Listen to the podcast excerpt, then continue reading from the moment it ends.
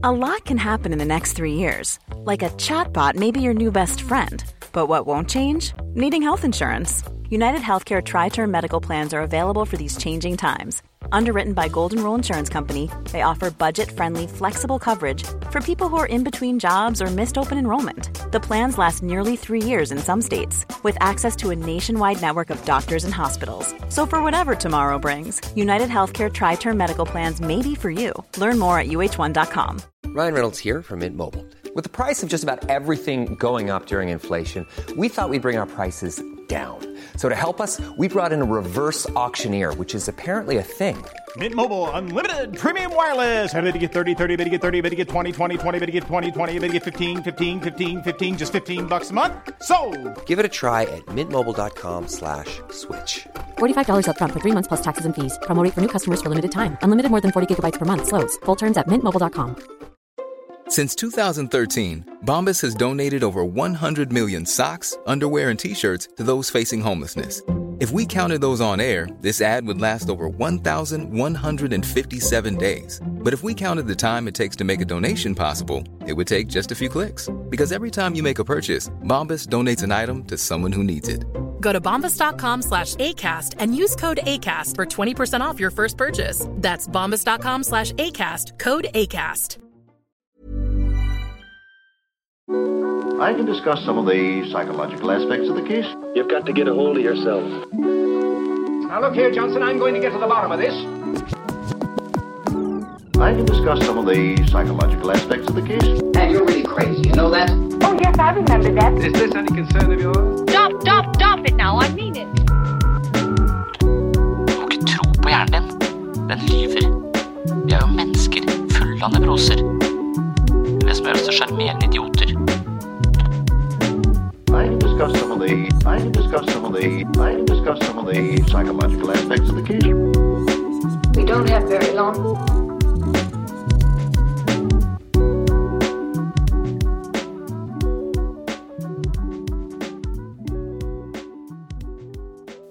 I begynnelsen av september 2021 deltok jeg på Filosofifestivalen i Kragerø for femte gang på rad, tror jeg. Det var eh, vanvittig fint vær, forholdsvis eh, varmt, og jeg hadde med hele familien på tur. Vi bada og spilte fotball mellom filosofiske økter. Kragerø er et sted jeg besøker årlig, stort sett i forbindelse med denne festivalen, og denne lille perlen av en kystby leverer hver eneste gang. Det er en blanding av menneskene, de filosofiske ideene, strandliv, iskiosken og Hotell Victoria som gir en opplevelse av de sjeldne. I de neste episodene skal jeg ta med deg til denne festivalen, som jeg selv mener er den mest interessante og hyggeligste festivalen i Norge. Her er det kloke hoder som får deg til å tenke tanker som gir strekkmerker i hjernen, men også mye humor og mental gymnastikk av det lekne slaget. Jeg skal poste tre episoder fra denne festivalen, som altså hadde tid som tema. Den første av disse tre episodene er ganske seriøs, mens den neste fungerer mer som et skråblikk på tid i et psykologisk perspektiv, og den siste episoden tar deg med til en økt med såkalt filosofisport. I dag skal jeg imidlertid presentere en samtale mellom filosofene Inga Bostad, Ingmar Mæland, Hans Herlof Grelland og meg selv. Grelland er både filosof, men også naturvitenskapsmann og fysiker. Det var en av Filosofifestivalens mest trofaste arrangører som var samtaleleder denne dagen, nemlig Arne Fred Solbekk. Vi skal også snakke om evighet, og hvis du er som folk flest, tror jeg at tanker om det evige vil generere en viss porsjon eksistensielle kvaler, mental overbelastning eller en følelse av ærefrykt. Jeg syntes det ble en spennende samtale som kretset rundt evig liv, død og meningen med livet på en scene full av klokker. Velkommen til en festival som skal anspore deg til å tenke litt dypere og litt nytt om et tema som kanskje påvirker deg langt mer enn du registrerer i en hektisk hverdag. Jeg innleder dagens episode med en kort refleksjon over konseptet evighet fra komiker Paul Virzi. When they talk about religion, they talk about two main characters. Jesus and Moses, right? That's like the, the, the star and co star. The part of the story I find funny is about St. Peter at the pearly gates. Now, they say whenever somebody dies, the first person you see is St. Peter at the pearly gates, and he greets you through the gates of heaven for eternal peace. Whenever you die, St. Peter, pearly gates, eternal peace. So then I had to Google how often people die. And it comes out to one every like 1.7 seconds, somebody dies. That means this guy, Peter, doesn't get a break for eternity. This guy's got the worst fucking job in heaven forever. And you know, he was excited when he heard he was getting the Gates gig, right? He's like, oh, the big man's giving it to me. He was walking around his robe a little tighter. then he gets there the first day on the job. And he's like, welcome to eternal peace. Welcome to eternal peace. Welcome to eternal peace. Woo. Welcome to eternal peace. Welcome to I think I made a mistake. Welcome to eternal Hey, is Jesus back there, man? Can I talk to him for a second? Welcome to eternal peace. Oh, I'm having a panic attack. Welcome to eternal peace. Jesus Christ, can you get out here for a second? Welcome to eternal peace. I swear on his father, get him out here. I'm freaking out. I'm having a panic attack. Is there a fucking tsunami? Welcome to eternal peace. What happened? Get him out here. I need water, so I'm freaking out. Welcome. I'm sorry, so I'm having a bad day. You know what? Yours was worse. Yours was worse. Welcome to eternal piece, That's those not cool.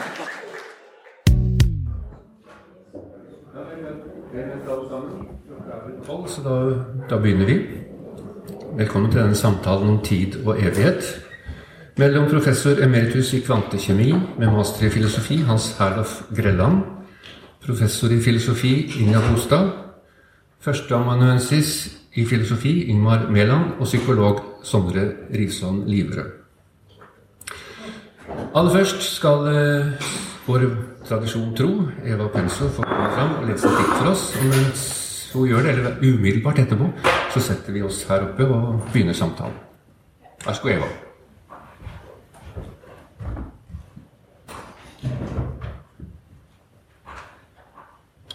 Skal vi se Roberto Juárez fra Argentina har skrevet dette. Det er oversatt av Pedro Carmona Alvarez.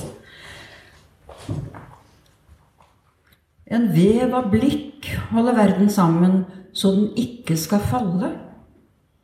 Og selv om jeg ikke vet hva som skjer med de blinde, lener jeg øynene mine mot en ryggtavle som kan tilhøre Gud. Men likevel leter de etter en annen vev, en annen tråd, som går rundt og lukker øynene i lånte klær, og slipper løs et regn som allerede er uten gulv eller tak. Øynene mine leter etter det som gjør at vi tar av oss skoene, for å se om det er mer der nede som holder oss oppe, eller finner opp en fugl for å se om luften eksisterer eller skaper en verden for å vite om Gud er. Eller tar på oss hatt for å forsikre oss om at vi finnes.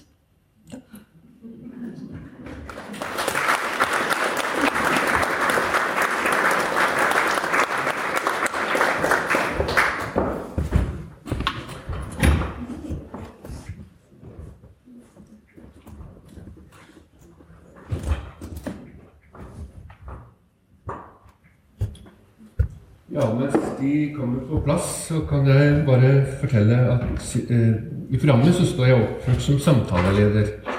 Jeg heter Arne Fred Solbekk og er leder for Filosofifestivalens programkomité. Men jeg har informert samtalepartnerne her om at jeg ikke ønsker at dette er noe som bare skal gå gjennom meg. Kan du hjelpe til litt? Ja, flott. Ja. jeg eh, syns det hadde vært fint om vi kan få til en samtale som går fritt og ledig hvor folk føler seg fri til å ta ordet uten at eh, det skal være noen stram ordstyrer. De kan spørre hverandre, fortelle hva de tenker og tror, og gjerne være litt personlige.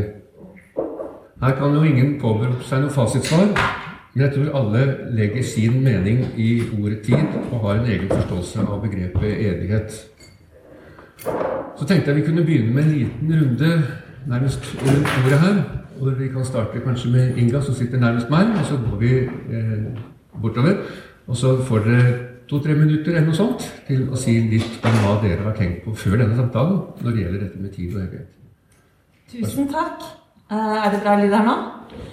Først har jeg bare lyst til å si at det er eh, utrolig hyggelig å være her. Og jeg kjenner meg veldig privilegert som får lov til å være med på denne samtalen sammen med så mange interessante personer, og ikke minst med dere i salen. Eh, og jeg tror vi har en sånn felles opplevelse av at vi på en måte er ganske uvitende om disse enormt ambisiøse temaene tid og evighet. Jeg føler meg i hvert fall som jeg trygler litt på dette ordtaket 'docta ignorantia', den lærde uvitenhet. Jeg vet uh, litt om hva jeg ikke vet.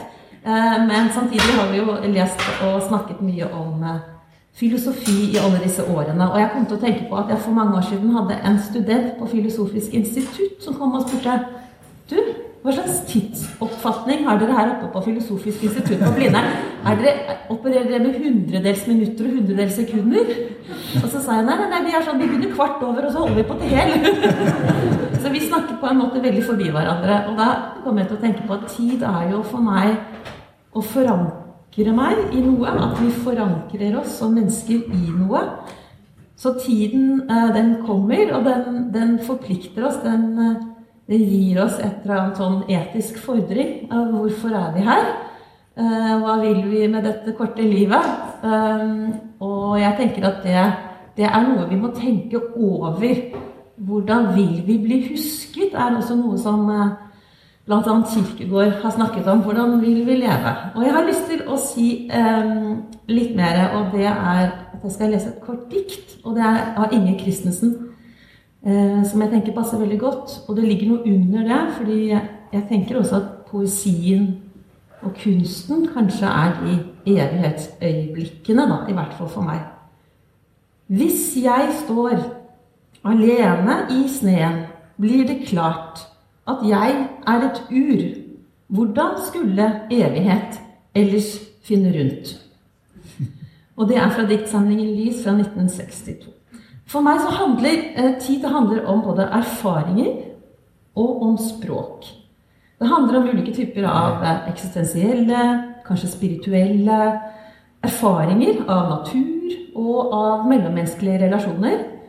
Kunstneriske uttrykk. Og det handler om, eh, om språk i den forstand at eh, når eh, man skal beskrive disse opplevelsene med språk, så sier Gadamer bl.a. at da opplever vi en fremmedgjøring. Vi opplever at eh, vi klarer ikke å gripe det vi ønsker å si. Det oppstår en distanse, sier Gadamer, når vi forsøker å beskrive f.eks. et kunstverk.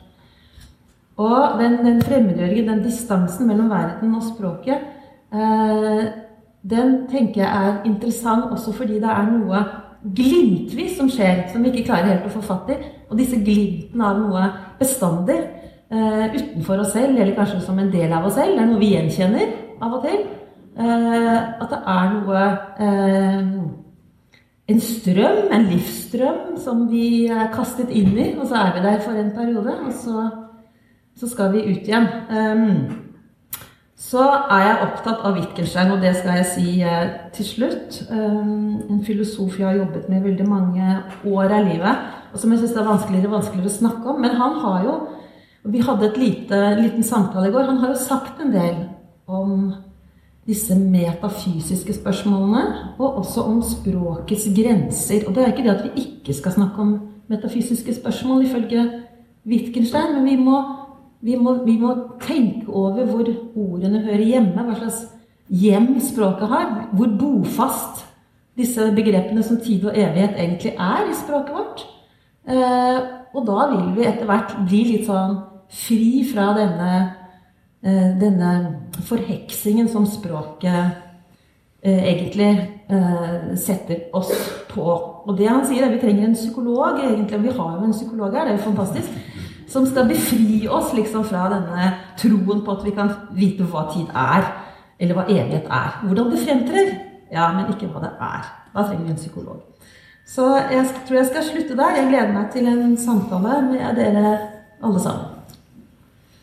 Ja, Hans Herre Frelland, du fortsetter. Ja. Ehm, jeg har jo en oppvekst som er skjønner at ehm, jeg lærte tidlig at eh, vi levde et liv, et liv i tiden. Og etter, etter, døden så kom evigheten. Så vi levde på en måte et forhold til en evighet. Og det var veldig mye dette med at evigheten var uendelig lang, altså dette med det evighetvarende. Og eh, det er kanskje en av temaene her. på en måte At vi fleste av oss vil riste oss den ideen at når vi snakker om evighet, så er det snakk om suksesjon av tid, men det bare varer og varer og varer og tar aldri slutt.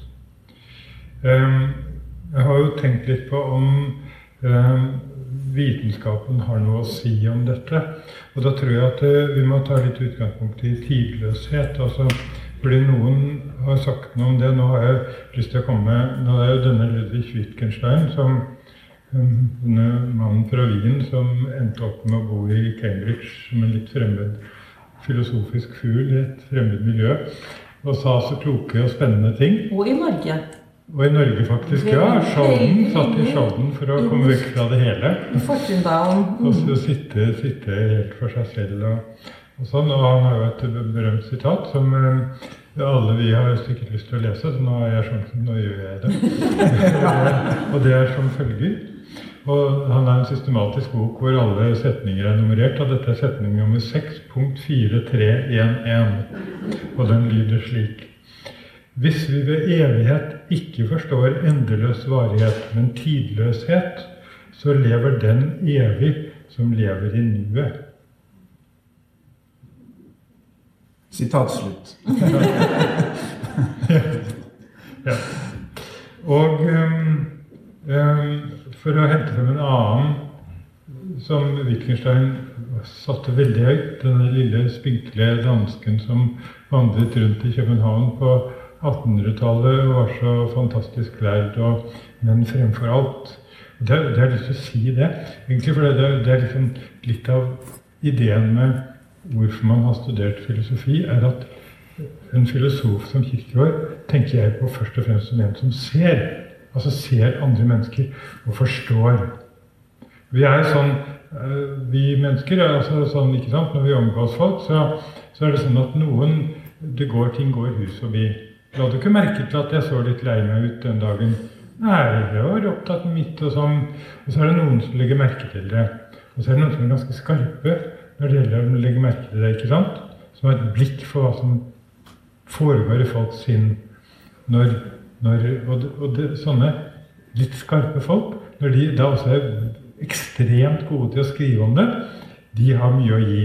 Og Søren Kirkegaard var en sånn person. Han var rett og slett så han, han, sa jo at han hadde mer glede av å samtale med torgkonene på Mager torg enn med sine lærde venner. Og det forteller litt om fokuset hans. Det er, det er mennesket. Det er ikke først og fremst på en måte, lærdommen som sånn egen ting. Og det er, og Derfor er Kirkegård også spennende å lese, og kanskje en som kan forstå ting da. Og Han har også skrevet noe om, om dette. og han har skrevet en bok som, heter, som kom i 1844. Da var Ibsen apoteklærling i Grimstad. Og leste Kirkegård på fritiden. Og den var ikke stor, den fritiden, men han sov lite, så han fikk det til. Og eh, da, der skriver Kirkegård om angst og angst der, og at angst har med øyeblikk å gjøre. Og når han først er inne på øyeblikket, så kan han ikke la være å si noe om tid og evighet. Og det han sier, er at øyeblikket og dette, dette, er nok samme poenget som hos Wittgenstein, som jeg nettopp leste. Øyeblikket er skjæringspunktet mellom tid og evighet. Og så legger han til i tiden. Så det er med andre ord sånn evigheten dukker opp i tiden. Så i, når vi er i øyeblikket, så blir det ikke løsrevet fra tiden og vi forsvinner inn i noe. Men det er sånn som om evigheten gjester oss. Og da er det jo evigheten på en måte en eller annen dimensjon. Og dette er jo et utsagn som rett og slett ikke er så lett å forstå, men som, så, som jeg syns er så appellerende. Det er liksom Er det noe ved øyeblikket som er noe annet enn at det var tiden som farer forbi? Hva er det med tiden, og hva er det med evigheten? Eh, og så hadde vi en liten samtale om Hamsun og klokker. For at eh, Hamsun eh, hadde mange klokker hjemme hos seg. Og det, dette, var, det var jo, dette var jo gammeldagse klokker som tikket og gikk, og veggur og sånn. Og Hver kveld så gikk han og, og, og trakk opp disse klokkene. Og så snakket vi litt om hvorfor, hvorfor var Hamsun opptatt av klokker. Og så ser jeg for meg Hamsun som romanforfatteren. Og det var sånn med Hamsun at uh, når folk var i naborommet så kunne de høre stemmer inne på skriverommet Og det var stemmene til personen i romanen. Snakket, de snakket høyt, så de kunne høre det. Han var helt inne i romanene sine når han skrev. Og dette er jo en fantasiverden som han skaper selv. ikke sant? Så han er helt inne i denne fantasiverdenen. Og så er han på Nørholm etter hvert ganske død. Ganske isolert fra resten av verden. Det er lite sosial kontakt. Og så er han inne i denne fantasiverdenen, og da tenker jeg sånn Klokken er på en måte forankringen Forankringen i den virkelige verden for denne mannen som forsvinner liksom ut i sine egne fantasier og har det som jobb og yrke og oppgave her i livet. Og det sier kanskje noe om tidens betydning. Altså, når vi passer tiden, så er vi i kontakt med virkeligheten. Men hvis vi bare er der, så er det et eller annet som mangler. Det er en dimensjon ved livet vårt. Og så kan vi kalle det evighet, da. Så blir jo dette evige ordet evighet stående som et litt mystisk ord. Og jeg har ikke tenkt å gi noen definisjon eller føle at jeg har noen forklaring på det. Men det er en sånn litt, litt åpnende, åpnende dimensjon som går, og som er til stede når det virkelig Når vi sjelden er, da, ifølge Kittvor i hvert fall, nemlig til stede i øyeblikket. Så det, mm. Ja, takk. Da går vi videre bortover til Ingmar. Ja. Jeg eh, skal prøve å være personlig òg, uten at det blir Hva heter det? Privat eller Privat. pinlig? uten at det blir pinlig for verken meg eller dere. Men mitt utgangspunkt her er ungdommens følelse av å være udødelig. Som eh, jeg også hadde den følelsen av å være, altså ha uendelig med tid. Og at jeg, ikke, at jeg var usårlig udødelig. Men så skjedde det noe når jeg var 22 år. Og det var at mor mi plutselig døde. Hun døde av et, en blodpropp til hjernen. Og jeg, jeg hadde vært, fått låne bilen og, handla i butikken og kom ned og kjørte forbi kjøkkenet mitt og så hun satt ved kjøkkenbenken. Og jeg visste hva hun holdt på med, og søkte om opptak til et sånt deltidsstudium i psykologi ved Universitetet i Bergen for hun ville videreutdanne seg. Så tok jeg varene ut av bagasjerommet og kom inn på kjøkkenet. Da lå mor mi på gulvet sånn. Og hva skjer da? Altså, jeg hadde jo akkurat vært i militæret, så jeg kunne førstehjelp. Og var, måtte, hadde, hadde det presenter i kroppen.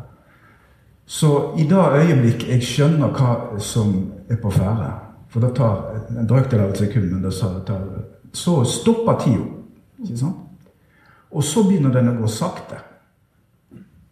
Og jeg nærmest ser meg sjøl utenfra gjøre denne, og det går sakte. Jeg tar disse innblåsningene og, og, og gjør førstehjelpen. Og så skjønner jeg at eh, det går ikke. Jeg er borte. Jeg hører bare en sånn Og da springer jeg ut til, og, og roper på far min som står oppe i i bakken og slår med langhår, sånn som dette her, så hører han med en gang på stemmen min at det er noe fryktelig galt. Så han slipper ljåen og kommer nedover. Og så går, kommer han inn på kjøkkenet, og så skjer akkurat det samme med han. Han ble først helt lamslått og fortvila. Og så begynner han på samme måten. Mens jeg står og ser på meg sjøl som gjorde det i stad, og han som gjør det nå. Altså, Utenfor meg sjøl å observere dette her, og det går sakte liksom Sånn. Ja, nå dramatiserer jeg litt, men det er en eh, gjengivelse av det som skjedde, som stemmer med sånn som det opplevdes. Og det førte til at jeg eh, da eh, kom i det som Karl Jaspers, en tysk filosof, kaller for en grensesituasjon i møte med døden. Ikke min egen død, men min mors død. Og da ble jeg oppmerksom på min egen dødelighet. Og da var det sånn som Inga sa, at da dukker det opp en etisk fordring. Og den etiske fordringen tok seg ut på den måten at jeg lovte mor mi at nå skal du jammen santen ta deg sammen, og ikke være en sånn døgenik som bare går ut med de gode og dårlige kameratene med en gang du får spørsmål om å være med. Skal ikke du være med, da? Skal ikke være med? Vi skal jo ut der, og vi skal jo der, og vi tar et par pils. Så da, da, begynte jeg å studere Jeg hadde studert historie, jeg begynte å studere filosofi, og jeg begynte å studere eksistensfilosofi. Og jeg skal, jeg skal ikke si så mye mer om det enn at um, grensesituasjoner ble da et begrep. Jeg las Kirkegård, jeg las særlig Sartre ble jeg opptatt av. Og, og død og angst og, og, disse temaene her. Og um, det som da, for å gjøre en lang historie kort, ble resultatet her at jeg ble opptatt av dette begrepet 'den onde tro', 'mauvaise foi' på fransk 'den dårlige tro', som Sartre skriver om i 'Væren og intet'. Og der er det nettopp tidsanalysen hos den som du nevnte, både Husserl og Heidegger, som er utgangspunktet for måten han tenker om dette. Hvordan vi lurer oss sjøl med å tenke at 'nei, men neste i morgen', sant? Eller sånn, og, og lurer oss sjøl ved å, å spille på tiden. At vi har tid til rådighet som vi kan bruke, som fylkesordføreren sa. Han er sånn som bruker tid. Men han ville at vi skulle bli mer sånn som opplever tid. Men jeg vet ikke hva det vil si å oppleve tid. Det har vi jo snakket mye om. Så jeg vil si at øyeblikket og tid og evighet var en sånn det, det, det, er ord som får mening for meg gjennom den erfaringen, den opplevelsen. Men jeg vet ikke hva det er som begrep. Jeg vet at eh, jeg hadde en forestilling om at jeg hadde uendelig med tid. Altså at jeg hadde evig liv, så å si, Sånn. At jeg møtte det sånn, og ble konfrontert med min egen dødelighet og min mors dødelighet. Og dermed så kom jeg inn i en eksistensiell krise som da resulterte i at jeg ble filosof. Ja, takk. Det, det, det, vi kommer sikkert til Vi må jo få samtale litt, og ikke bare på enetaler. Sondre Risan Livrød, psykologen vår, vær så god. Ja. Um jeg har nok eh, på en måte vært oppmerksom eh, Jeg har ikke følt meg så udødelig hele veien. Jeg har mer vært sånn kronisk redd for å dø, egentlig. Fra ganske liten av. Så, så jeg, døden Det at vi har en begrensa tid, 81,5 år som menn, jeg syns det er litt lite. Skulle gjerne hatt litt mer. Så den opplevelsen altså, mange sånne eksistensfilosofer mener at vi er redd for å dø, vi er redd for ensomhet og vi er redd for meningsløshet. Jeg tror jeg begynte å være redd for å dø. Og så gikk det litt over etter hvert. Altså, først var jeg redd for min egen dødelighet. Jeg var redd for foreldrene mines dødelighet. Etter hvert som jeg ble eldre, ble jeg redd for, mer redd for at barna mine eh, skal forsvinne. Eller jeg er redd for at jeg selv skal forsvinne fra barna mine. Så det er litt sånn narsissistisk orientert, eh, denne med, med at jeg er syns denne begrensningen og spørsmålet er er livet meningsfullt fordi det er begrensa, har vært eh, viktig for meg. Det har jeg hørt Ole Martin Moen og diskutert dette med Kaja Melsom på, på verdibørsen osv. Så, videre. så det er pga. denne begrensningen at, eh, at, livet da har en, eh, har en mening. Og, men jeg klamra meg vel til ideer når jeg var liten, i hvert fall, for å stange denne dødsangsten. At uh, det fantes, sånn som du vokste opp med en, en evighet etter etter dette, så det var ikke så mye å bekymre seg for, for det kom en, kom en evighet. Og evighet klarer jeg ikke å forstå. Evighet får jeg sånn strekkmerker i huet å tenke på. Jeg klarer ikke å begripe det. Eh, men, men jeg har etter hvert eh, fått en slags fornemmelse for det, og det, den, da er jeg mer redd for evigheten enn jeg er for uh, slutten og døden, på, på, sett og vis. Og den har overtatt. Da. Frykten for å leve evig er noe mye større enn, enn frykten for å dø. Det så, så da, da forandra seg. Men, eh, men, men, det meningsløse etter hvert som jeg da blir eldre, så er jeg redd for, redd for at, eh, ja, at, barna mine skal miste en eh, far osv. Men og gradvis så har jeg også kanskje eh, følt eh, Jeg er redd for planeten nå. Altså, jeg er redd for, eh, jeg er redd for at når jeg, når jeg, Det jeg er mest redd for Og jeg får sånne Jeg har ikke så mye angst, egentlig. Jeg er ikke sånn supernevrotisk, men jeg får tilløp til en sånn enorm eksistensiell eh, kvalme som, som, slår meg helt ut. Og, og, det har med evighet å gjøre, det har med død å gjøre. Jeg vet ikke om jeg klarer å forklare det heller, men jeg kan, jeg kan i et uh, plutselig øyeblikk bare akkurat som hele livet dreneres for uh, All farge forsvinner. Uh, jeg blir ekstremt kvalm, for nesten ikke å puste. en slags panikkanfall. Og jeg har det ikke i sosiale situasjoner, i denne typen situasjoner. Jeg har det når jeg får et nytt barn, jeg har tre stykker, og når jeg ligger på sida di på kvelden og jeg alt er helt fantastisk, og så, så kommer det. Eh, og, og, det har med denne meningsløsheten å gjøre, at jeg føler, kan føle at det, hele, at livet er meningsfullt, er denne illusjonen som jeg bare tviholder på å lure meg til. Men egentlig så, så er vi bare en biologisk organisme som eh, fødes, eh, lever litt og strever litt, og så dør vi. Og alt er egentlig det, og det kan vi ødelegge også. Så plutselig så er det bare evighet med en eller annen daud planet. Som kanskje klarer seg uten oss, sikkert, men eh, som bare svirrer rundt i all evighet uten noe. Og den, jo, jo mer jeg zoomer ut, da, jo verre blir angsten. Og for å komme tilbake til kroppen, så må jeg av og til gå ut av rommet. Jeg husker en gang jeg gikk ut i regnværet i, trusa bare for å, for å kjenne eh, Komme tilbake til verden. For den, den tanken Derfor var jeg litt sånn bekymra for å være på denne festivalen her om tid. Altså, jeg synes det er eh, et svært stressende eh, eh, fenomen.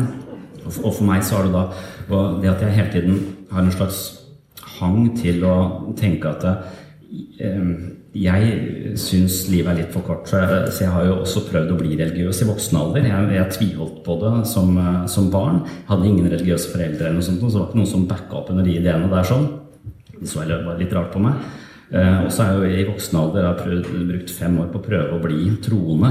Kanskje for å stage denne dødsangsten, eller få en sånn overbevisning som jeg kan hvile i. da at det er en eller annen større mening med dette. At det er ikke for, jeg skjønner at livet er meningsfullt fordi at det er begrensa. Jeg skjønner at hvis jeg hadde levd evig, så hadde jeg ikke giddet å malt garasjen. Og prokrastinering hadde blitt et kjempeproblem. Eh, så jeg skjønner at, at ubegrensa med tid, det ville, det ville havne i en form for meningsløshet og apati, kanskje. Men jeg finner også en slags meningsløshet i det, det uendelige perspektivet. Så, så jeg, jeg misunner Jeg har da, som sagt vært mye i menigheter og skrevet om det i en, en, bok. Og så er jeg i ferd på å prøve å bli religiøs, altså prøve å komme inn i det.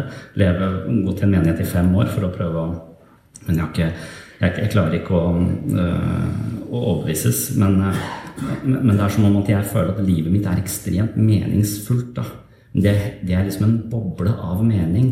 Så jeg har meningsfulle relasjoner, jeg har mange gode venner, og, og de relasjonene de de er som grunnmuren i livet mitt. Jeg, jeg, det, det, er de jeg hviler på når jeg har det vanskelig. Eller det er som en slags jeg kaller objektrelasjoner kanskje inni hodet mitt, som jeg har mange gode av.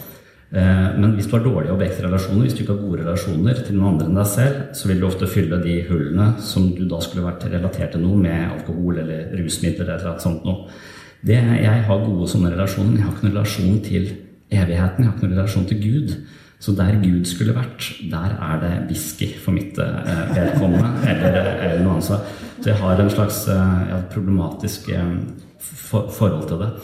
Men også, så var dette med at vi skulle dø, så derfor så var jeg i utgangspunktet liksom, Det appellerte til meg at vi kunne leve evig. Det appellerte kanskje mer til meg at vi kunne gjenfødes. For jeg syns det er litt stress og jeg har så dårlig hukommelse. jeg lurer på, Hvis jeg skulle husket alt altså, jeg, jeg, tror at det er mer meningsfullt hvis vi starter på nytt og ikke husker hva som skjedde tidligere. For jeg tror at det, Da tror jeg vi kommer til å måle garasjen igjen. Vi bare får en ny sjanse. Så, så reinkarnasjon er en, eh, synes jeg er en eh, litt sånn um, ja, den, den, ideen er enda mer appellerende. Også. Men så har jeg også etter hvert, eh, når du har møtt sånne transhumanister og sett på Black Mirror, så, så begynner det å komme sånne teknologiske himmelriker som ikke har vært eh, ikke sto på tilbudstorget når jeg uh, var barn. Da, og, men de står nå på tilbudstorget, og det betyr jo at jeg i prinsippet kan laste opp min egen bevissthet til en sky. Eh, og, og, dermed, som en drøm, da, faktisk leve eh, potensielt sett evig. For nå er jeg forankra i en type silikon som ikke brytes ned på samme måte som kroppen min brytes ned. Så jeg kan kanskje leve eh, evig i, eh, i, en, eh, i, en, sky. Eh, og den ideen tenkte jeg gull, den, den, den tar jeg. helt til jeg begynte å se på Black Mirror, som driver og vet ikke om du har sett Black Mirror, Det er den mest skrekkinnjagende serien jeg noensinne har vært borti. For der har de nettopp kommet dit hvor de har denne skyen hvor du kan laste opp bevisstheten eh, din. Du kan leve opp som en drøm. Liksom. Du har, det er smerte osv. der, men det går ikke an å dø der. Så, så dette, er, til San Junipero. I San Junipero kan du eh, besøke hver lørdag i seks timer. Men du er nødt til å ta valget om å gå dit når du eventuelt dør. Og så kan du velge hvilken alder du skal være. Du får en ny kropp, men bevisstheten din er den samme, samme der oppe. Så i denne skya så merker du at her er det god stemning. Det er 80-tallet, for det er det de hadde valgt 80-tallet. De digga det, de som eh, denne serien handler om. Men så, så, merker du også at de går på sånne bisarre sexklubber bare for å føle noe. De føler fysisk smerte, men det er som om når livet ikke har noen konsekvenser, så er det ikke verdt å leve. Så hun prøver å krasje bilen sin, hun ene dama i denne serien, i San Junipero, bare for å se om hun kan ta livet av seg. Så våkner hun på stranda. Det gikk ikke. Så, så, det er et eller annet med, med denne uendeligheten som, uh, som også er uh, ganske farlig. Og så ser jeg for meg at hvis jeg da kan laste opp bevisstheten min til sky og potensielt sett leve evig der, sammen med barna mine, familien, venner osv., så, uh, så kan det plutselig komme en sånn glitch ved å bare bli stående sånn, eller havner i et jordras da, og ikke få puste i all uendelighet. Så risikoen da, ved, å være et sånt sted hvor du da enten blir utmatta, at det, du finner ikke lenger mening, og du klarer ikke å komme deg ut av det Det høres jo helt forferdelig Det er, så, det er som ikke å ha en nødutgang da, i, i livet sitt. Opplever, jeg møter mange mennesker som vil dø. Jeg tror ikke egentlig de vil dø, de bør bare vite at det er en nødutgang. Eh, det er, det er det de er mest opptatt av. De, de snakker om at det er mulig å dø, for det er mulig å komme ut av det. Mens i en sånn bevissthet, hvis det ikke er noen eh, utvei, så virker det skrekkinnjagende av en annen verden bare være fast i noe i all evighet. Og da må jeg drikke whisky igjen. Mm. Ja, eh, jeg har lyst til å bidra litt, jeg også. fordi at eh, når jeg sitter og hører på deg, Sondre, så tenker jeg ditt og mitt liv har vært så totalt forskjellig. For jeg var akkurat motsatt. Jeg vokste opp omtrent her i bedehuset. Da sto det på veggen der i den lille Bibelen som det ble kalt, Johannes 3, 16, For så høyt har Gud elsket verden at han ga sin sønn den envårende for at hver den som tror på ham, ikke skal fortapes, men ha evig liv. Så jeg vokste opp i den religiøse forskningen med at det var en evighet. Jeg skulle leve evig når jeg døde. Og jeg var jo litt engstelig for det. Men etter hvert så har jeg faktisk kommet til det at det finnes ingen evighet. Evighet er et begrep som vi har funnet på for å trygge oss sjøl på at vi skal slippe å dø, eller på en måte bare fortsette etterpå. Men for meg er det tid og ikke tid. Evigheten er eh, intet. Altså, jeg, jeg eh, var en gang ikke. Jeg var ikke født. Jeg blir født og lever, og jeg dør. Så er det ikke noe evighet. Og jeg tror ikke heller kosmos eh, har en evighet. Tiden oppsto muligens sammen med universet for rundt 14 milliarder år siden. Og hvem vet hva som skjer. Men jeg tror det er stopp. Kanskje, Det er vanskelig å fatte. Men hva tenker dere? Fins det en evighet?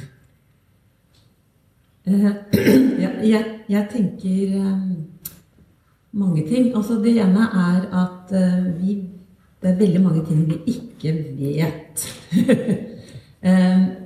og da Jeg har skrevet en doktorgrad om skeptisisme. En sånn søkende skeptisisme. Og utgangspunktet der er at det er en, et forskjell på hva vi antar med stor sikkerhet, og som bekreftes hele tiden. Det er litt sånn klassisk vitenskapsteori. Ved at vi får, ja, vi får inntrykk som bekrefter forestillingene våre. Og så er det noe vi eh, ikke vet med sikkerhet. Altså, vi er usikre på det. Og jeg tenker at evigheten og det som skjer etter døden, det er noe vi, er, vi ikke vet. Altså, vi er usikre på det. Og for en som Søren Kirkegård, som har vært nevnt her før, eh, så er det nettopp det som er eh, utgangspunktet for at vi må kaste oss ut på 70 000 favners dyp. Eh, og leve i denne usikkerheten og ta den innover oss. At vi vet ikke. Og så, og så kan man utlede veldig mye forskjellig av det. At vi ikke vet. Men han sier bl.a. At, at det betyr i hvert fall at vi må være inderlig opptatt av, av hvordan vi vil leve livene våre. Denne inderligheten, det at vi kan ikke ta lett på det. Ehm, vi kan, altså Disse stadiene som mange av dere kjenner godt, og noen kanskje ikke kjenner så godt, disse livsstadiene til Kirkegård, det er jo det at, at mennesket tar disse valgene. Vi kan være estetikere, altså litt mer livsnytende, uforpliktende. Og så er det det å bli da denne moralske, eller i hvert fall denne etikeren, som tar livet sitt på alvor til en viss grad. Og så er det dette siste, ikke sant, som, som for, for, mange av oss er litt rart, men det er da å ikke engang vite det, hva som er. Det er jo da å kaste seg ut og, og leve i den inderligheten. Og det jeg syns var så fint med deg, Sondre, det er at du fremstiller disse dypt urovekkende alvorlige tingene med en snert. Og hva er det Kirkegård gjør? Han bruker humor. Han bruker ironi for å få oss Vi satt jo litt sånn Vi ler jo litt opp. Vi ler med deg. Fordi at det du sier, er jo både utrolig rystende, og så er det ganske morsomt.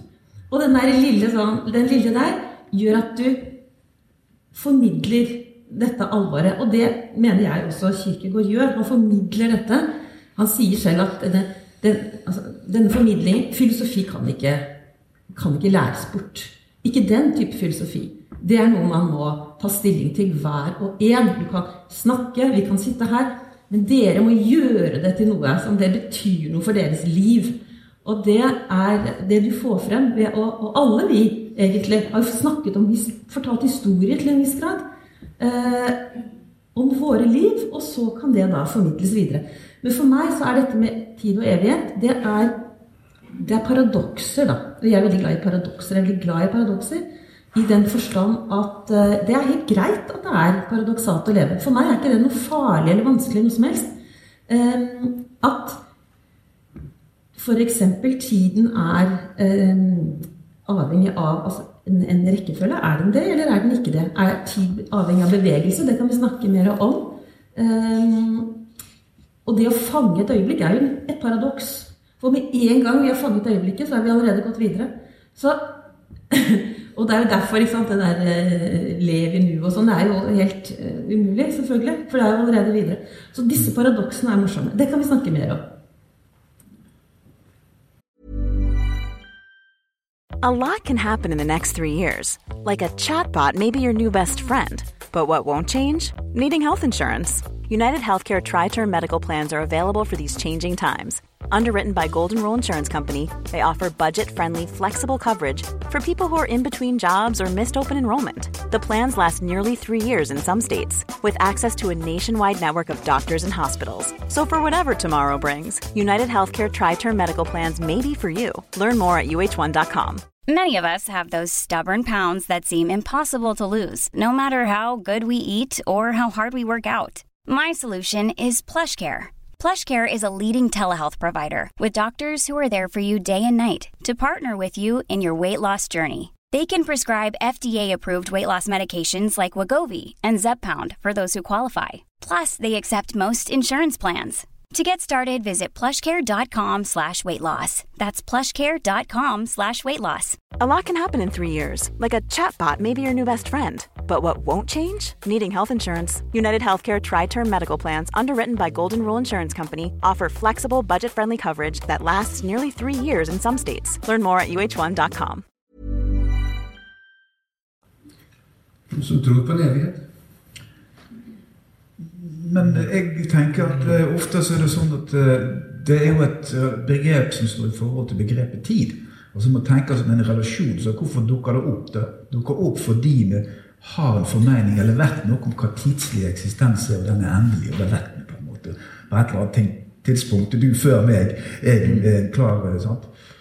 opplevelse som en grensesituasjon.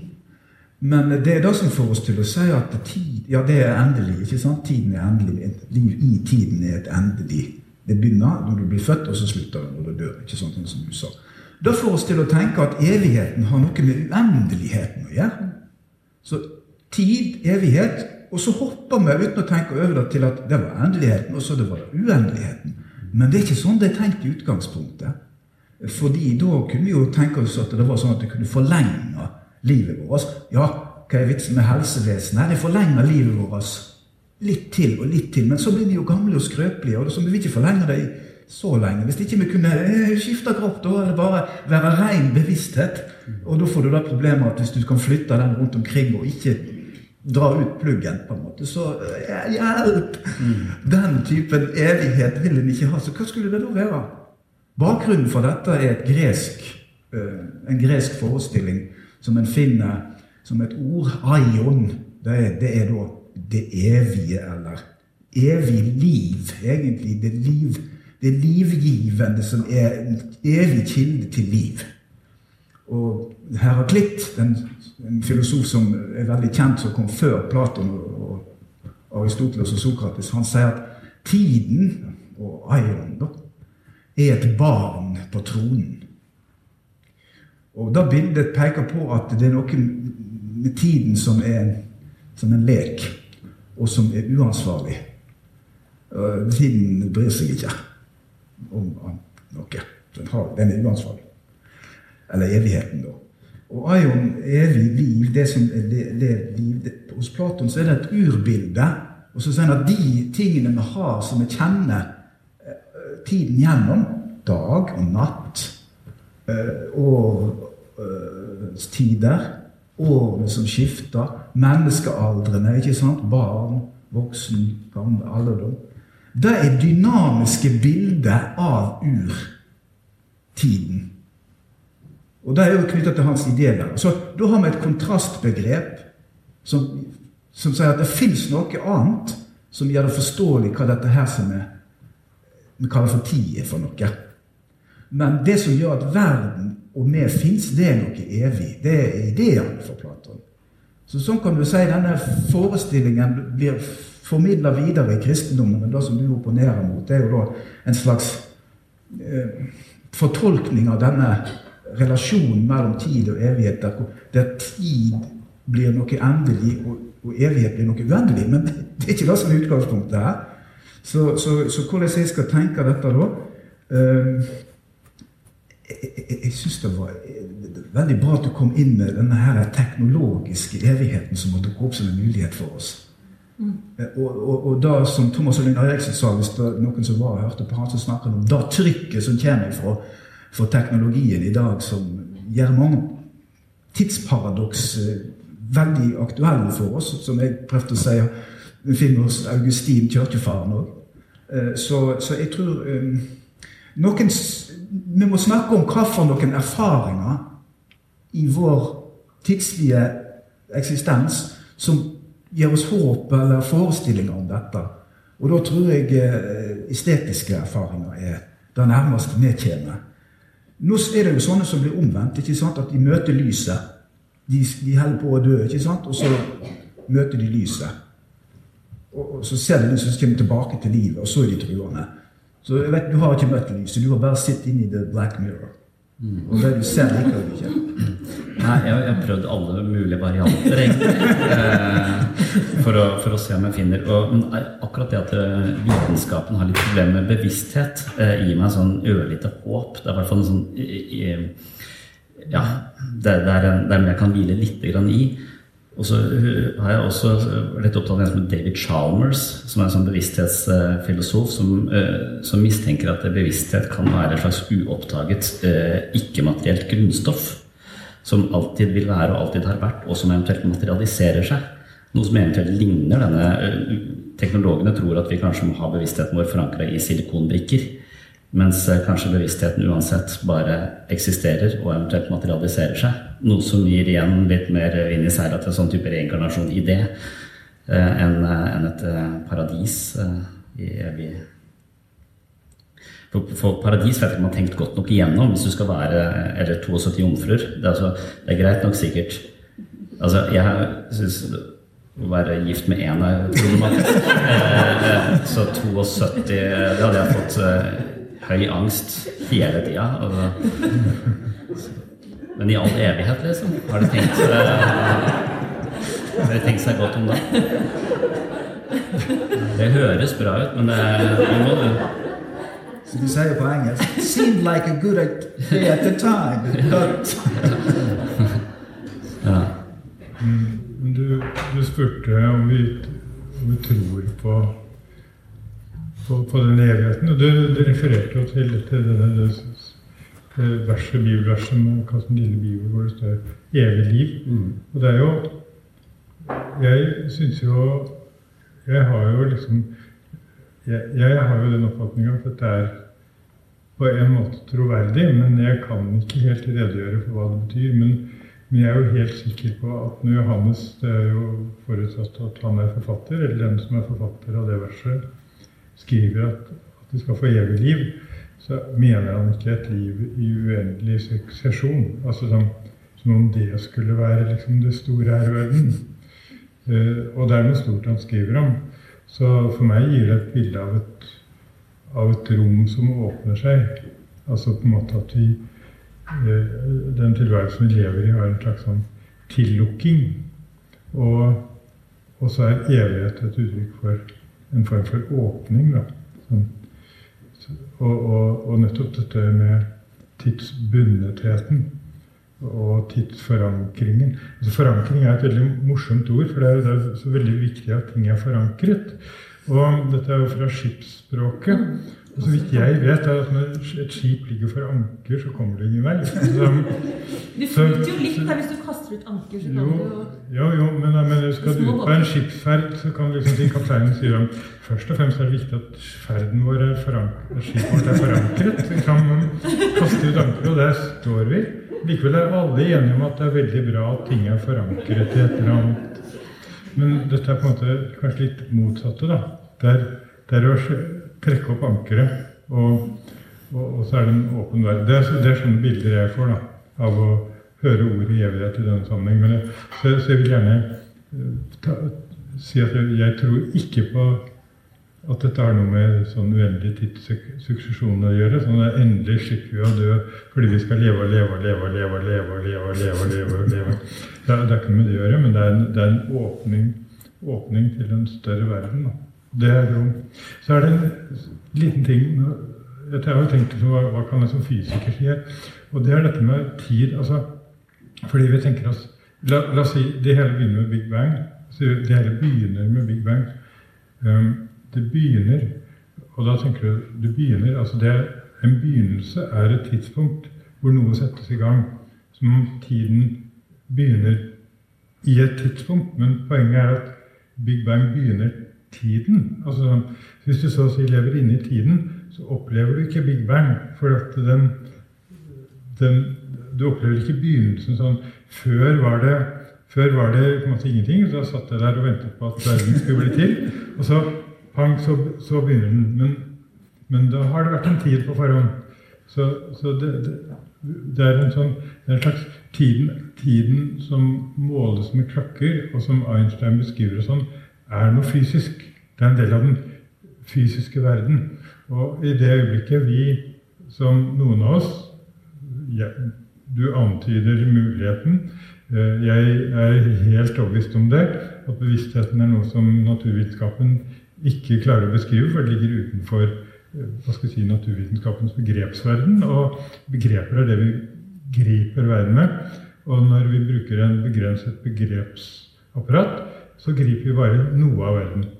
Og bevisstheten hører ikke med til det som naturvitenskapen griper. Så det er noe mer.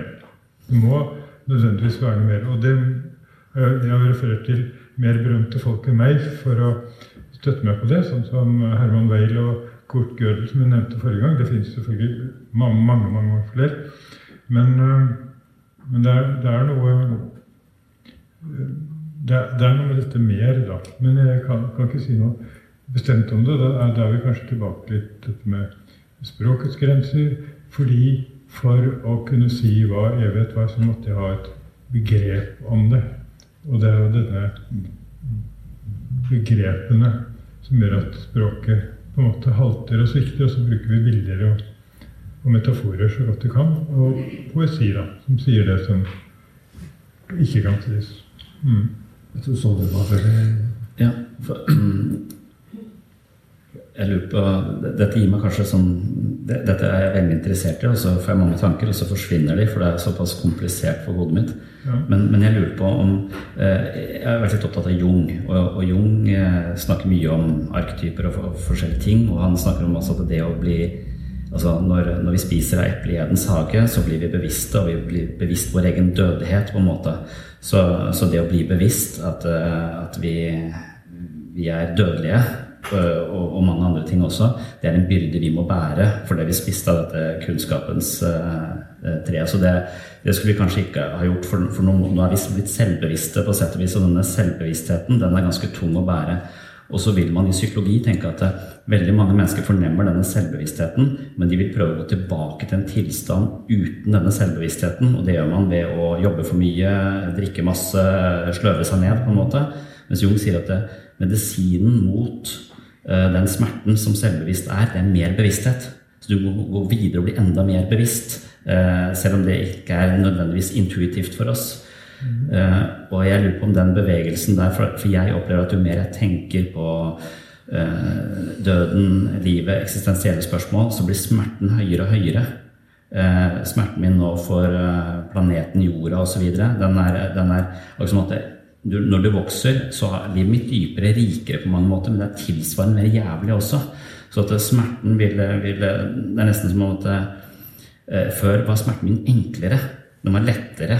Eh, og den var, den var smertefull da, men i forhold til at etter hvert som du forstår mer, så blir smerten bare verre. Men så håper jeg bare at det finnes et eller annet, et eller annet sted her hvor du kanskje finner en form for ro, da. Uh, eller finner en form for uh, aksept eller forståelse som ikke lenger er så bare pga. forvirringen gjør deg så eksistensielt urolig.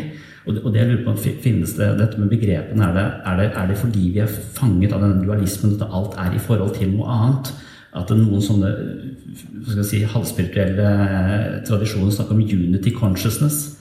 Altså Bevisstheten er alltid bevisst om noe annet enn seg selv, på en måte, mens eh, ren bevissthet, at det finnes en slags erkjennelse, en erfaring på at eh, Å ja! Altså noe, noe du ikke kan forklare med ord. Og det er da jeg lurer på de der folka som ligger for døden og får psilocybin eller LSD eller en eller annen sånn derre eh, type stoff som eksploderer. Så de gjør at det, plutselig så er det ikke helt for å dø lenger. Hva er det de har skjønt, lurer jeg på. Eh, hva, hva, hva, det? Har de fått en opplevelse som ikke kan fanges i språket?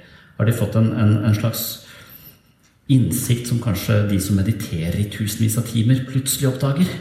Eh, og, og, er det Ja, er det en Tror dere på, en sånn type bevegelse, eller vil, vil denne eksistensielle angsten min bare fortsette å bli verre og verre og verre jo mer jeg tenker på det. Og da burde jeg egentlig bare gå tilbake til whisken. Det er jo du som er psykolog. Vi er ikke psykologer. Jeg å si noe om én ting, og det at um, når jeg hører deg beskrive smerten din, og ikke f.eks. smerten over planetens tilstand og sånn, så er jo min første tanke her så, at det er så adekvat. altså Det er så grunn til å ha den smerten. Ja. Og det er så det er jo flere som snakker om det nå. Mm. Men på en eller annen måte så er det veldig sterkt og personlig, sånn som du sier det nå. Og det, det føles bare så veldig riktig. Altså, måte, jeg ville tenkt at vi er vel ikke ute etter en løsning der vi fjerner den smerten, for den skal jo på en måte være der. Altså, det er sånn, det er sånn Jeg har skrevet en bok om følelser og hva det er. Ja. Og, og øh, det, det, er veldig riktig å ha følelser, og det er veldig riktig å ha smerte når det er grunn til å ha det. Og vi har egentlig altfor lite smerte i forhold til det som er grunn til å ha på denne kloden. Ikke? Både for klodens tilstand og for alle menneskenes tilstand som er på den. Så, så på en eller annen måte, hvis vi leter etter en løsning, så må det være en løsning som er kanskje litt sånn som du sier, at vi må utover den, men vi må ikke tilbake. Altså, vi må på en måte, vi må ikke dø, døyve smerten. Vi må ikke vi må ikke slutte altså vi, måtte, må ikke tilbake i en mindre bevisst tilstand, sånn at er bare sløve for dette her, og dermed slutter å ha smerte. Men, men, men heller litt mer Egentlig så prøver jeg bare å si at jeg er litt jeg, jeg liker den tanken at vi skal ikke fjerne smerte, men kanskje det går et skritt videre som gjør at vi kan leve. For det er jo heller ikke noe mening å bli lammet av denne smerten. Det er jo ingen som sånne fine ting som at Leger uten grenser og sånn som reiser ut og virkelig hjelper folk. Eller er en psykolog og hjelper folk, altså, som er en slags lege uten grenser i Norge. Og, og har som jobb å hjelpe folk. Og, du, du, du, du ville ikke kunne være det hvis den smerten tok helt overhånd. Du må på en eller annen måte kunne, kunne transformere den til noe riktig uten å fjerne den. Altså, sånn, et eller annet der. Mm. mm. Og det, det er kanskje, kanskje, jeg tenker, assosierer dette litt med hva evighet kunne bety. da. At vi, det, er sånt, det er et større perspektiv. Vi kan romme den smerten uten å bagatellisere den eller fjerne den eller sløve den, men bli noe mer enn bare en som sitter og er paralysert av smerte. Jeg er veldig enig i det sånn rent personlig også, at det, det å tåle smerte er det som gir livet dybde og, og mening. Det er, vi får mer ut av å løpe et maraton som er ganske smertefullt enn å spise en hel sjokoladekake. Det er liksom noe, noe hele tiden noe med den. Men, men, men, den smerten, men, men er denne metafysiske smerten, er det noe vits i å gå den veien? Sånn, jeg snakker jo med pasienten min om det at vi må møte smerten, vi tåler smerten og, og, og, og, forstå den. Det er et signal, det er noe som er en del av av livet. Uten den så hadde ikke vi hatt noen følelse for noe som helst. altså Den, den gir livet betydning. Mm. Men, men, det er akkurat disse eksistensielle, voldsomt eksistensielle spørsmålene som jeg lurer på. Der føler jeg bare at smerten blir bare mer og mer og mer kompleks. Men jeg tenker jo også at jo mer du vokser, jo mer kompleks blir også smerten din. Og det er kanskje, du får kanskje det du klarer. Eh, på et eller annet tidspunkt. Jo mer du Jeg vet ikke å avbryte det, men ja. Kan jeg avbryte litt? For vi har ikke en evighet. Uh, vi har bare egentlig seks-sju minutter igjen, og jeg har lyst til at publikum skal få komme med et par spørsmål helt til slutt. Men hvis du tar en veldig kort replikk, og du tar en kort replikk, så, replikk, så gir vi publikum uh, sjansen til å komme med to spørsmål til slutt. Ja. Jeg tenker at uh, filosofi for meg handler om et forsøk på å si noe allmenngyldig. Altså, og, og, det er og kan være både en trøst og en en gjenkjennelse. Det å lese f.eks. eksistensfilosofi eller klassisk filosofi, hvor disse nettopp menneskelige eksistensielle spørsmålene og uroen blir satt ord på. Det er for mange, eh, og for mange av mine studenter også, så opplever de at der er det. Det er akkurat sånn vi har det. Og, og ikke bare meg, men sånn har det på en måte alltid vært. Det er liksom ett. Altså den allmenngyldigheten. Og det andre det er at eh, det er veldig fint å bruke metaforer. Altså, for meg er det i hvert fall spørsmålet om tid og evighet eh, det er, det er det nærliggende. Aquinas, Thomas Aquinas og Aristoteles snakker om tiden som en bevegelse. og Da må det alltid være et fast holdepunkt. Altså For at albuen skal bevege seg, så må det være et fast holdepunkt. Så det er liksom, noen sånne metaforer kan fortelle meg mer om min situasjon. Egentlig berolige meg. tenker jeg, men det, det kan jeg kjøpe. Det er fint. Sånn har vi det. Så den gjenkjennelsen um, Ja, jeg hadde tenkt å si mer, men tiden går. Ingmar, til slutt. Ja, eh, det er interessant å være sammen med en terapeut og, som spør om råd. Det er jo ikke jeg før til i livet, men jeg kan si noe om det. Jeg syns det er veldig bra den der tanken om at det handler om en høyere form for bevissthet. Og Da fins det tradisjoner for esoterikk, filosofien, også New Age-ting, Ken Wilber, integrasjonstenkning. Og det, det, det, er bare sånne tips. ikke sant? Det fins masse om dette. Men det er lett å seg vill i det metafysiske, og da tror jeg jeg er helt enig med deg. Da vil vi sitere Apropos dette med kunsten og den estetiske religionen som kom opp på 1800-tallet. Dyrkingen av kunsten. Det er Schopenhauer og en av deg. Og det var jo da sånn, Schopenhauer var jo den som ville unnslippe lidelsen og vente seg til det østlige filosofien. Og han sier om kunsten kunsten, det å kunst, ha kunstopplevelser. Så vi holder sabbat i viljens tukthusarbeid. Og, og, det å ville og skulle liksom og Det er urolig, for han har ikke fått gjort nok i livet sitt. Og folk er 22 år og de tenker 'Hjelp, jeg har ikke fått gjort noen ting!' Eh, liksom, eh, og nå er det for seint. Og jeg skrev en låt om det som heter 'Ventetid'. Og den blir sånn Jeg har lært å vente. Og ta meg tid til å hente. Og så kommer det 'hente fram det kjente'. Og da havner du på feil spor. For da slutter du å gjøre det som er viktig, som Inga snakker om, og gå, og gå videre. Takk. Da tror jeg vi lar publikum få sjansen til å slippe til litt. Der er mikrofonen. Skulle gjerne hatt en time til, men uh, det kommer mer på programmet.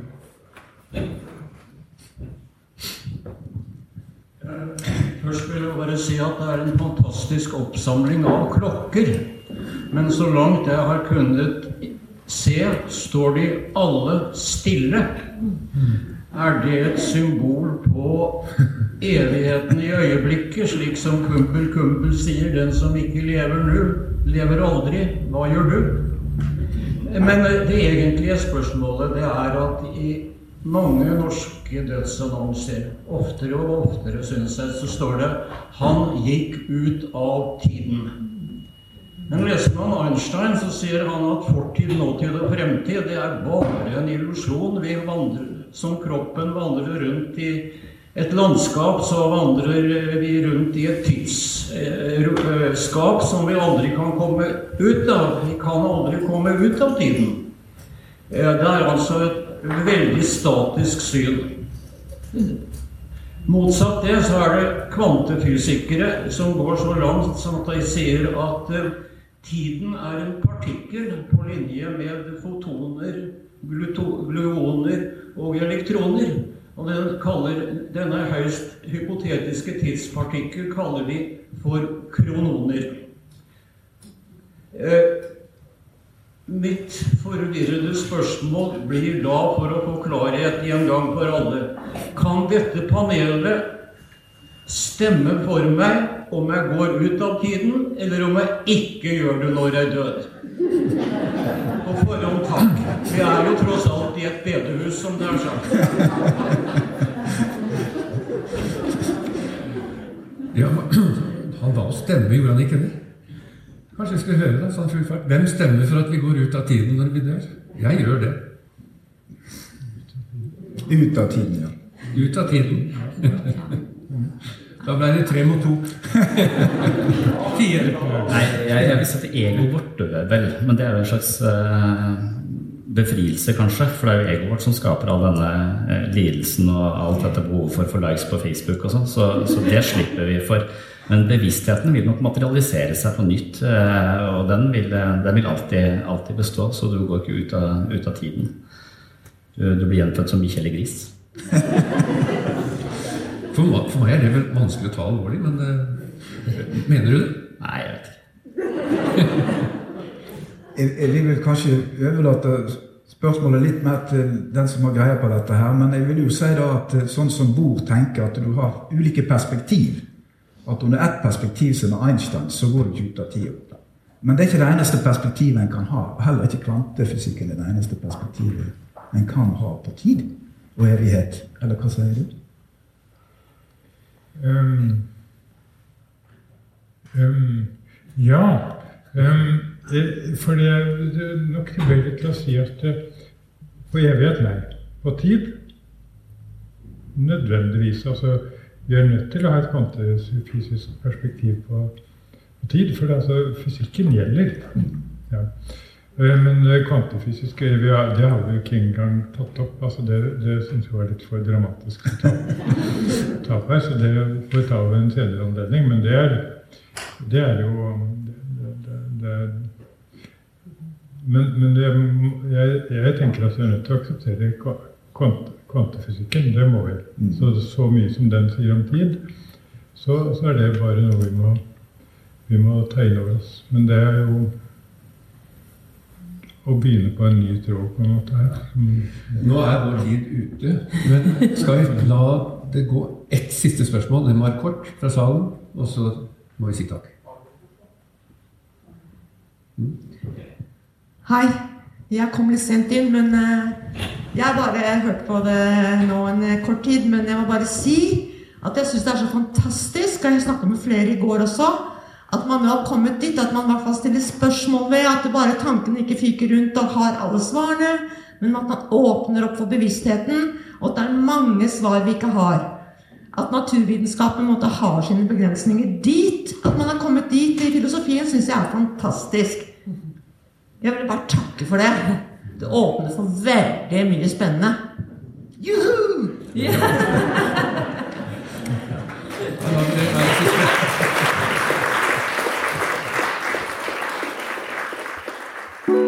I can discuss some of the psychological aspects of the case. You've got to get a hold of yourself.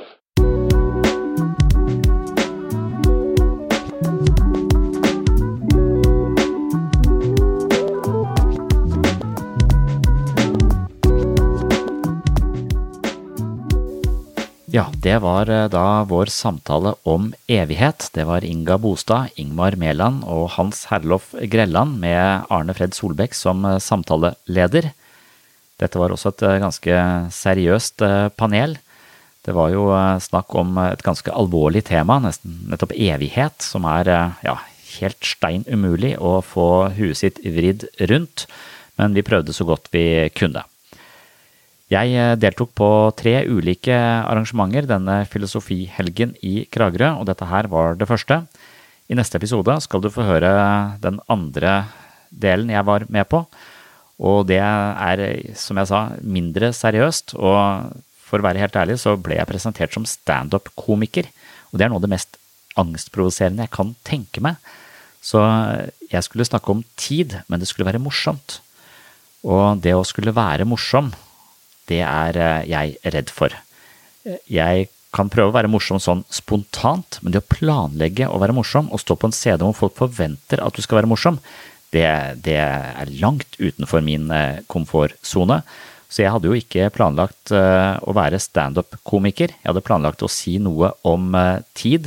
Og dette her var i en bar litt seinere på kvelden, så jeg skjønte at det ikke skulle være sånn blodseriøst. For du kan ikke drive og snakke om eh, tid på en sånn seriøs måte til folk som drikker øl. Og jeg kan egentlig ikke snakke om tid på en seriøs måte uansett, for jeg forstår ikke konseptet. Derfor så, så ja. Men eh, jeg ble da presentert som standup-komiker, og hvis du vil ha med deg min eh, standup-komikk om tid, så må du bare følge med i neste episode. Faren for å floppe er ganske stor, og hvorvidt jeg gjør det, det er ja, det var vel en mellomting mellom uh, flopp og tidvis uh, tilløp til latter hos uh, publikum. Så det var kanskje ikke det verste som kunne skjedd, men det var heller ikke det beste. Men jeg syns jeg fikk sagt noe interessant om tid, for hvis du prøver å harselere litt med tid, eller bare bruker tid som utgangspunkt for litt mental gymnastikk, og prøver å vri og vrenge på ideer du har hatt tidligere, så syns jeg det er et godt utgangspunkt. Og det er jo en av mine kjepphester, er jo at eh, evnen til å tenke i revers, eller tenke opp ned, eller motsatt av det vi pleier å tenke, det er de mentale musklene vi må trene opp for å komme oss ut av blindveier i livet vårt. Så Derfor syns jeg hele Filosofifestivalen er en fantastisk eh, arena for eh, å tenke litt nytt og litt annerledes, og det stimulerer meg hvert eneste år jeg er der, fordi jeg snakker med så mange ja, si litt merkelige mennesker, men også da ja, de er jo filosofer, da. Og hver gang jeg tror jeg har tenkt et eller annet ferdig, så begynner de å vri på det, eller, eller eh, utfordre det på en eller annen måte, så jeg er nødt til å tenke på nytt og på nytt og på nytt og på nytt. Det kan være litt slitsomt, men også veldig stimulerende og interessant. Så hvis du vil høre mer om tid, så må du bare henge med i neste episode her på Sinnsyn. Takk for følget, og på gjenhør! Oh, I'm just losing my mind, that's all.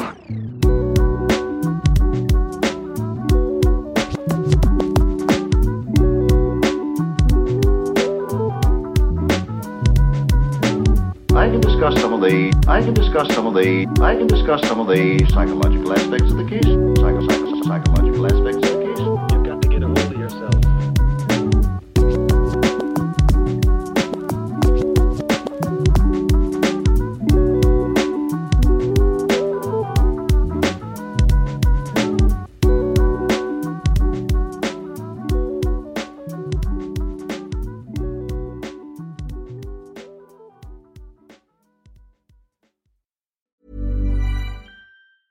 Planning for your next trip?